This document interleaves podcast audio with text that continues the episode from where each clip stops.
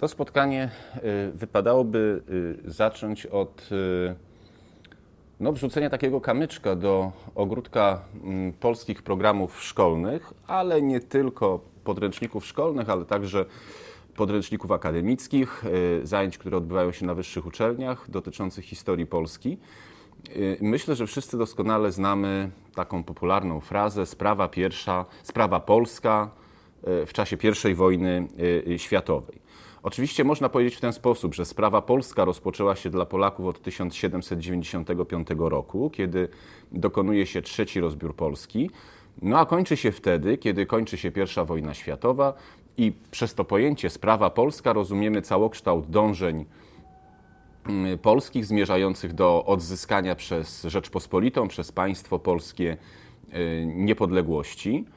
Natomiast akurat w przypadku I wojny światowej, oczywiście dla Polaków sprawa polska istnieje przez cały czas. Natomiast y, na arenie międzynarodowej, to trzeba bardzo wyraźnie powiedzieć, sprawy polskiej w okresie I wojny światowej, rozumianej jako całość, po prostu nie ma. Sprawa polska w czasie I wojny światowej rozpoczyna się w 1916 roku, dopiero. No i oczywiście wpływ na to ma tak zwany fakt umiędzynarodowienia kwestii polskiej.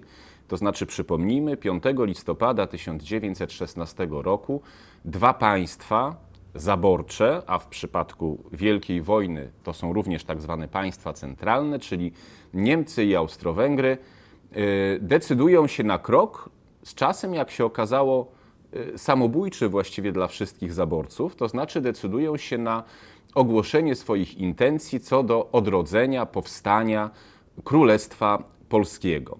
To uruchamia całą lawinę wydarzeń, y, które doprowadzają finalnie w 1918 roku, w listopadzie, rzeczywiście do odbudowy Rzeczpospolitej, tak zwanej II Rzeczpospolitej. No ale wypadałoby zastanowić się nad tym, jak do tego doszło, co się stało, że raptem w połowie I wojny światowej, dopiero wtedy, następuje umiędzynarodowienie kwestii polskiej. I tutaj dochodzimy do faktu, e, który będzie jakby takim głównym bohaterem naszego dzisiejszego spotkania, e, a mianowicie przypomnijmy, od 4 do 6 lipca przez 3 dni, 3 noce e, toczy się na Wołyniu pod miejscowością Kostiuchnówka wielka bitwa Legionów Polskich.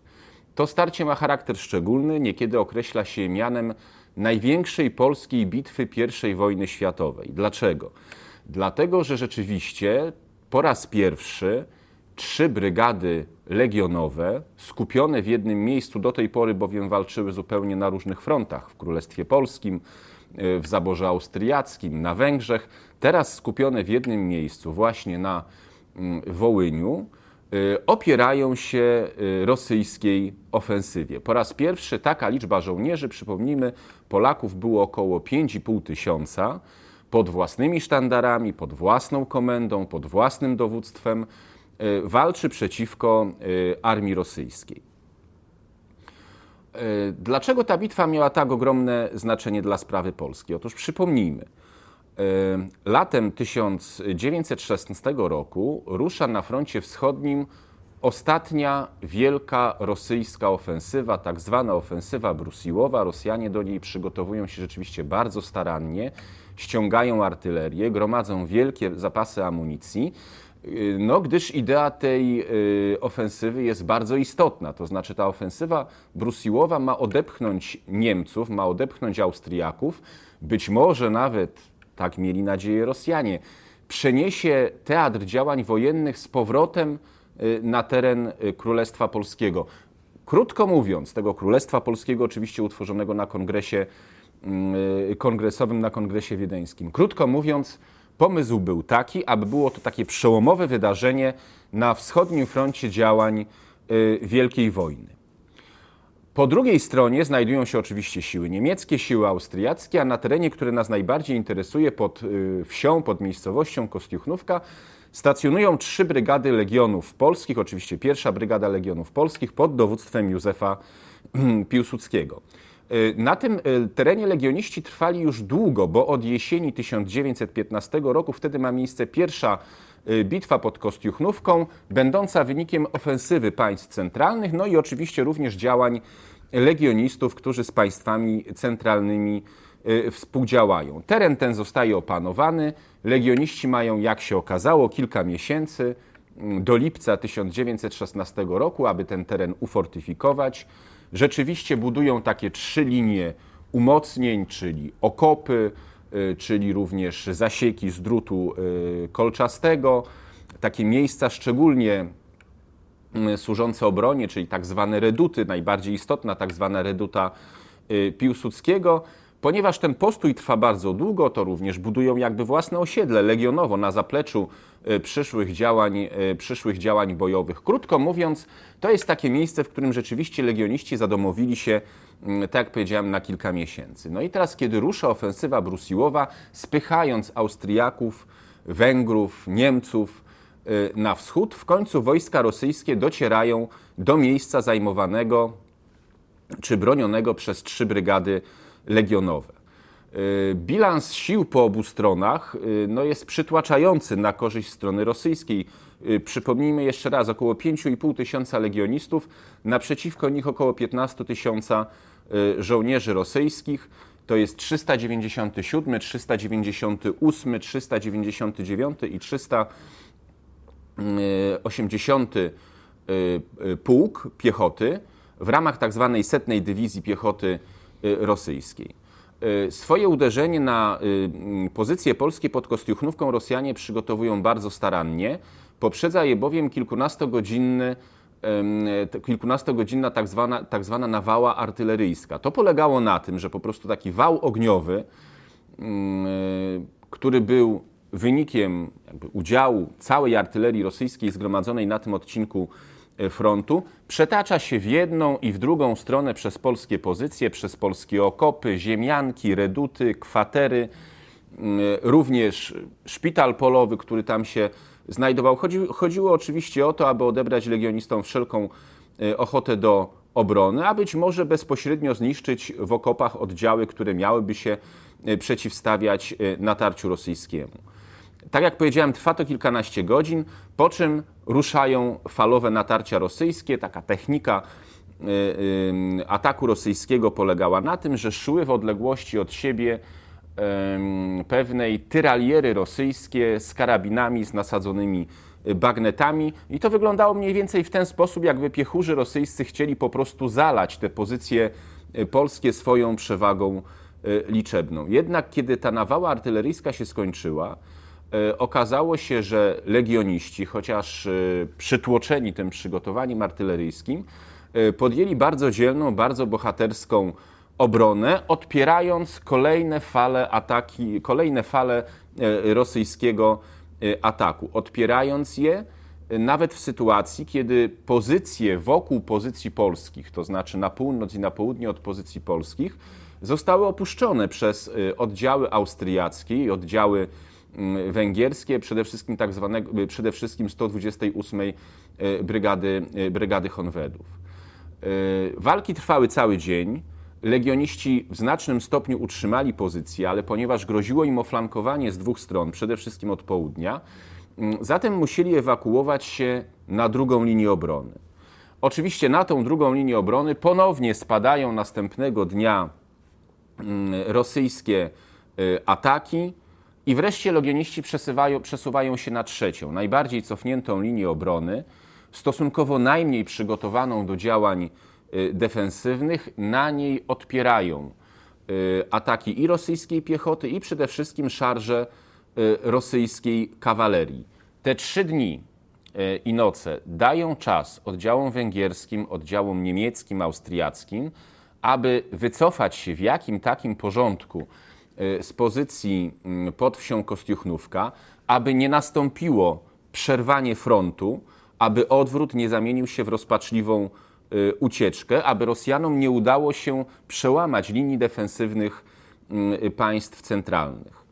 Y, dopiero na samym końcu, osamotnieni, jako tak zwana ariergarda, czyli tylna straż, legioniści dokonują samodzielnego odwrotu. Przypomnijmy, odwrotu w pełnym porządku, pod bronią, w takim porządku bojowym, oczywiście niepokojeni, atakowani przez nadchodzące ze wschodu siły rosyjskie. Ten trzydniowy opór legionistów, mm, który przypomnijmy, okupili oni rzeczywiście bardzo ciężkimi stratami.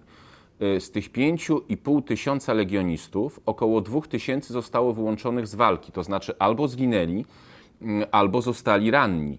E, pułk e, legionowy, piąty pułk piechoty, na który spadły najcięższe uderzenia mm, rosyjskie, właściwie stracił 50% swojego stanu bojowego. To znaczy, co drugi legionista, co drugi żołnierz z piątego pułku piechoty albo zginął na polu bitwy, albo odniósł rany, albo dostał się do mm, niewoli rosyjskiej. Jednak kosztem tak wielkich strat, Mm, y, legioniści y, spowodowali, że państwa centralne zdołały w dużym porządku, y, bez paniki, obsadzić kolejną linię obrony na rzece Stochód. Zresztą dołączyli również do swoich, no nazwijmy to sojuszników, także legioniści po wycofaniu się.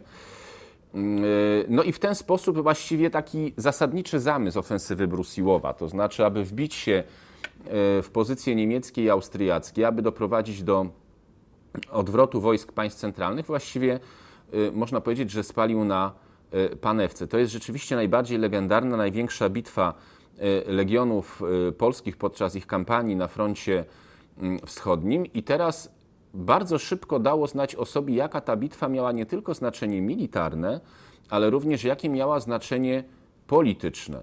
Otóż przypomnijmy, w 1916 roku w Niemczech zwłaszcza upowszechnił się taka, taki plan, taka koncepcja stworzenia tak zwanej niemieckiej Europy Środkowo-Wschodniej, niemieckiej Europy Środkowej, y, która była mm, y, suflowana jako tak zwana koncepcja y, Mitteleuropy. To znaczy pomysł był taki, że ponieważ Brytyjczycy, Francuzi mogą liczyć na swoje kolonie, stamtąd mogą czerpać rezerwy demograficzne, ale również materiałowe, surowcowe, no to trzeba, korzystając z przewagi niemieckiej na wschodzie Europy, mm, stworzyć sieć takich powiązanych z Niemcami państw. To miała być Litwa, to miała być również Polska i te wpływy miały sięgać przez Bałkany aż na Bliski Wschód takich państw, które, które uzależnione od Berlina, no i w pewnym stopniu także od Wiednia, miałyby służyć jako taki rezerwuar. No właśnie, sił demograficznych, także surowców, po to, aby wesprzeć państwa centralne, którym zwyczajnie zaczynało brakować rekruta, zaczynało brakować surowców, zaczynało brakować broni i które powoli zaczynały znajdować się na takiej równi pochyłej, mm, no jakby zmierzając ku, y, ku przegranej w I wojnie y, światowej. Na to nałożyła się ta bitwa pod Kostiuchnówką. Widać wyraźnie, że po bitwie pod Kostiuchnówką następuje bardzo wzmożona korespondencja, mm, wymiana refleksji, myśli pomiędzy głównodowodzącymi niemieckimi, pomiędzy Hindenburgiem, Ludendorffem, a urzędnikami Ministerstwa, Ministerstwa Spraw Zagranicznych, e, czy nawet chociażby kanclerzem. E, I mianownik jest wspólny dla tej korespondencji. Znaczy tak, Polacy sprawdzili się jako znakomici żołnierze, Polacy pokazali swoją, swoją sprawność bojową. Grzechem zaniechania byłoby pozostawienie ich samych sobie. Trzeba z nich stworzyć silną armię, która mogłaby skutecznie wesprzeć państwa centralne na froncie wschodnim, no ale w zamian trzeba im coś dać. No i w ten sposób, z jednej strony w ramach ogólnej koncepcji niemieckiej Europy Środkowo-Wschodniej, z drugiej strony w wyniku pewnego pokazu siły, sprawności bojowej, odwagi, wartości y, polskiego żołnierza w bitwie pod y, Kostiuchnówką, rodzi się koncepcja odbudowy Królestwa Polskiego, która przecież, przypomnijmy, dochodzi do skutku bardzo szybko. Bitwa pod Kostiuchnówką to jest początek lipca 1916 roku, natomiast już 5 listopada 1916 y, roku, zaledwie po kilku miesiącach, dochodzi do proklamowania intencji ze strony dwóch cesarzy, stąd ten dokument nazywamy również aktem dwóch cesarzy, utworzenia y, Królestwa Polskiego. E, oczywiście w zamyśle Niemców i Austriaków to miał być taki krok nieco pozorny, to znaczy chodziło przede wszystkim, by co tu dużo mówić, pozyskać polskie mięso armatnie. Natomiast został stworzony istotny wyłom. Sprawa polska, do tej pory zamiatana pod dywan, nieporuszana przez Rosjan, Niemców i Austriaków. Również cicho było nie nad Sekwaną czy nad Tamizą. W tej chwili została wyniesiona na światło dzienne. Jeżeli popatrzymy na kalendarz wydarzeń I wojny światowej po bitwie pod Kostiuchnówką i po proklamowaniu Królestwa Polskiego, to widzimy, że jak grzyby po deszczu dosłownie zaczynają się pojawiać kolejne międzynarodowe enuncjacje w sprawie polskiej. Przypomina sobie o niej car, który już w grudniu 1916 roku ogłasza, że właściwie jednym z celów rosyjskich w tej wojnie też jest stworzenie mm, y, zjednoczonej Polski. Oczywiście cara upada w wyniku rewolucji y, lutowej, ale przecież zobowiązania cara podtrzymuje rosyjski rząd tymczasowy, a nawet oczywiście deklaratywnie bolszewicy po przewrocie w październiku 1917 roku. Poparcie dla sprawy Polski ogłaszają oficjalnie Wielka Brytania, ogłasza Rzym, ogłasza Paryż, no i również ogłaszają, jak pamiętamy, po wstąpieniu, po przystąpieniu do działań wojennych Stany Zjednoczone ustami ówczesnego prezydenta mm, y, Woodrow, Woodrow Wilsona. Zatem, podsumowując, znaczenie bitwy pod Kostiuchnówką bardzo istotne, bitwa, która uruchomiła pewną lawinę wydarzeń, i w ten sposób Legiony Polskie, i w ten sposób czyn zbrojny, i Józef Piłsudski, który był jego inspiratorem, ale również był tym, który łączył te wątki wojskowe i polityczne przede wszystkim, czyli jak wykorzystać czyn zbrojny w polityce, y, przynoszą pozytywny skutek, to znaczy odbudowę państwa polskiego jesienią 1918 roku.